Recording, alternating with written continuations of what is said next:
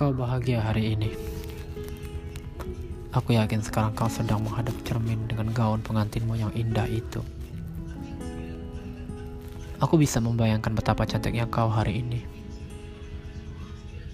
Kita pernah menghayalkan ini semua bersama. Kau duduk dengan gaun cantik itu di sebelahku. Tapi hari ini begitu berbeda. Sementara aku di rumah ini penuh dengan kedukaan antara harapan dan ketakutan. Semalam suntuk aku tidak bisa benar-benar terpejam. Sendu sekali dini hari tadi.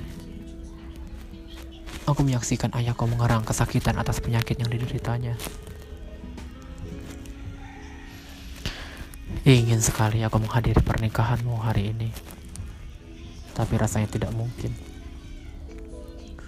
Suasana wabah yang masih menghantui kita semua membuat takut banyak manusia.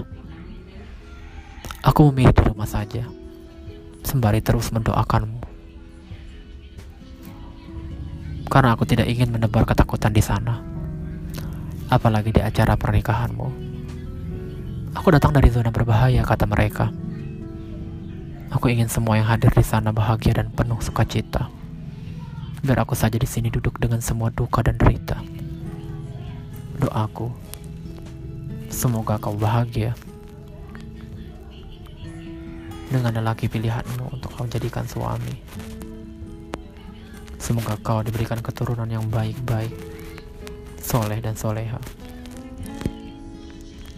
Diberikan penyejuk jiwa, penenang hati, tumpuan dari segala kesedihan. Pada akhirnya aku hanya berdoa semoga bahagia. Salam untuk suamimu.